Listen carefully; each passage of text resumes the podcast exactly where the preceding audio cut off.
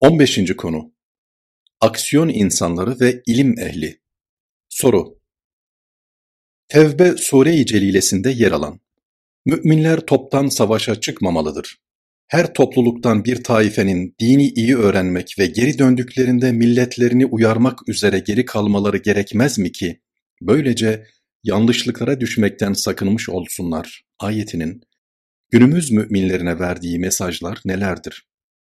Cevap Yüce Allah bu ayet-i kerimede ilk olarak وَمَا كَانَ الْمُؤْمِنُونَ لِيَنْفِرُوا كَافَّ kelamıyla müminlerin hepsinin aynı anda sefere çıkmalarının, cepheye koşmalarının ve savaşa iştirak etmelerinin doğru olmadığını beyan buyurmuştur. Daha sonra فَلَوْلَا نَفَرَ مِنْ كُلِّ فِرْقَةٍ مِنْهُمْ طَائِفَةٌ لِيَتَفَقَّهُوا فِي الدِّينِ ifadeleriyle onlardan bir grubun dinin ruhuna nüfuz etmek için arkada kalması gerektiğini ifade buyurmuş وَلِيُنْذِرُوا قَوْمَهُمْ اِذَا رَجَعُوا اِلَيْهِمْ لَعَلَّهُمْ يَحْذَرُونَ kavli kerimiyle de bu ilim sahiplerinin değişik cephelerden dönen kavimlerini eğri yolun encamından sakındırmaları, din adına onları beslemeleri ve bilmeleri gerekli olan ilimleri onlara talim etmeleri gerektiğini beyan etmiştir.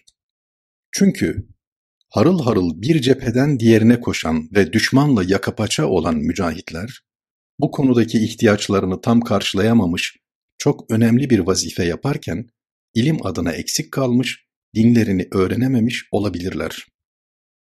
İlmi kıvam ve başarı İslam'ın ilk intişar ettiği dönemde müminler hak ve hakikati anlattıklarından, adaleti temsil ve ifade ettiklerinden dolayı din ve diyanet düşmanları tarafından hücum ve saldırıya maruz kalıyorlardı. Böyle bir durumda müminler işlerini bitirmek için üzerlerine gelen düşmanlara gelin hele bir camide oturup konuşalım diyemezlerdi. Deseler bile kin ve tahribe kilitli o düşmanlar gelir o camiyi müminlerin başlarına yıkmaya çalışırlardı.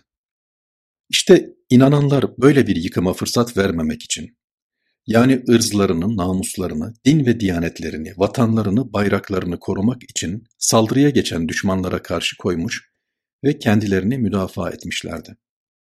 Efendimiz'den sallallahu aleyhi ve sellem sonra Hulefai Raşidin döneminde de benzer problemlerle karşılaşılmış ve Müslümanlar değişik yerlerde düşmanlarla yaka paça olmak zorunda kalmışlardı.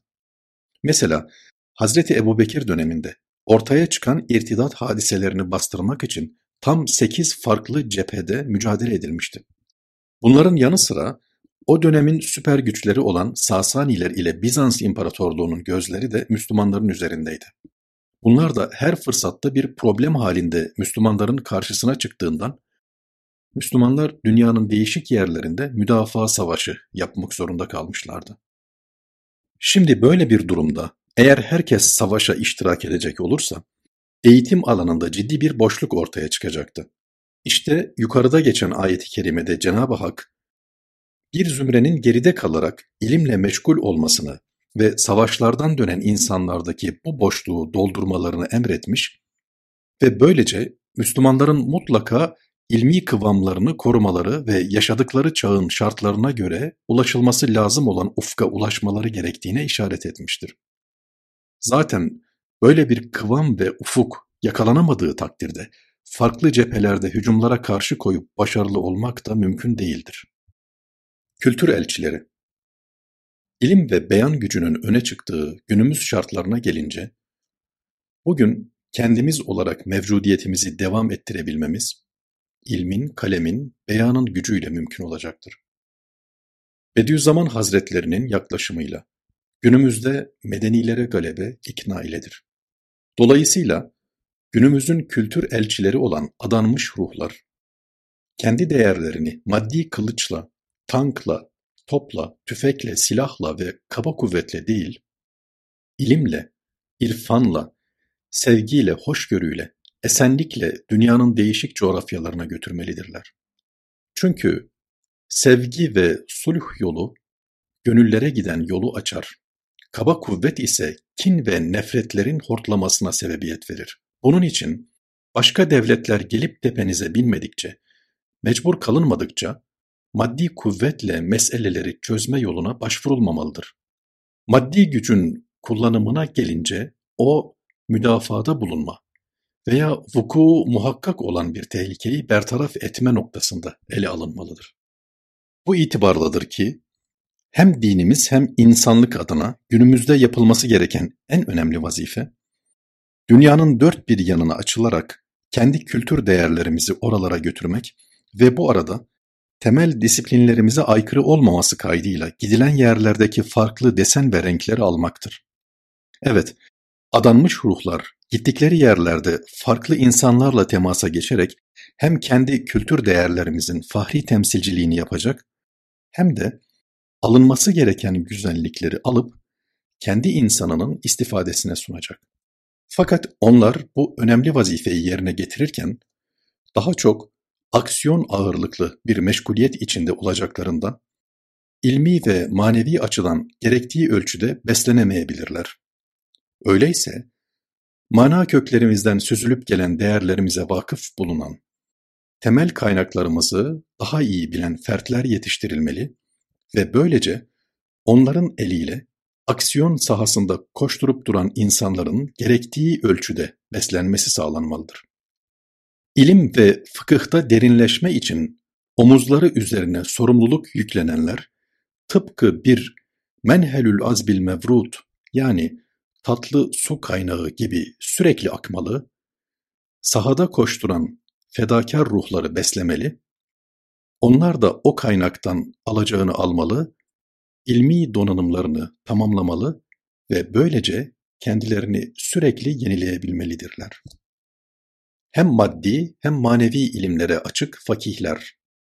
Ayet-i kerime liyetefekkahu fid-din ifadesiyle Allah yolunda seferden geride kalacak kişilerin ilk olarak imana, İslam'a ve bir yönüyle bunların tabiata mal edilmesinin bir unvanı olan ihsana müteallik meseleleri öğrenmeleri gerektiğine işaret etmektedir.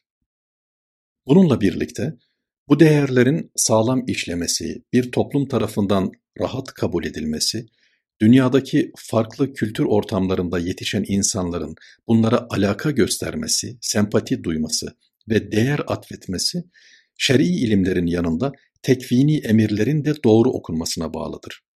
Dolayısıyla dinin yanında fünun medeniyenin menbaı, laboratuvarı ve aynı zamanda araştırma merkezi sayılabilecek olan tabiat ilimlerinin çok iyi öğrenilmesi, bu konuda araştırmaların yapılması, tabiat meşherinde teşhir edilen varlığın temaşa edilmesi çok önem arz etmektedir. Bediüzzaman Hazretlerinin ifadesiyle bir taraftan ulûm-u diniye öğrenilirken diğer yandan fünun-u medeniye ihmal edilmemelidir. O talebenin himmetinin ancak bu ikisinin bir araya gelmesiyle pervaz edeceğini ifade etmiştir. Bunlardan birisini dışladığınız zaman diğerini kolsuz ve kanatsız bırakmış olursunuz. Evet, ne kalbin ziyası olan dini ilimlerden fedakarlıkta bulunmalı, ne de akıl, mantık ve muhakemenin ziyası olan müsbet ilimler ihmal edilmelidir. Ayrıca bu ayet-i kerime müminlere ilim ve araştırma aşkının önemini vurgulamaktadır. Dolayısıyla insan gerek dini ilimleri, gerekse pozitif bilimleri elde etme istikametinde ciddi bir gayret sarf etmeli ve bu konuda hayatının sonuna kadar hep talebe kalmalıdır. Çünkü talebe bir şeyin peşinde olan ve onu talep eden kişi demektir.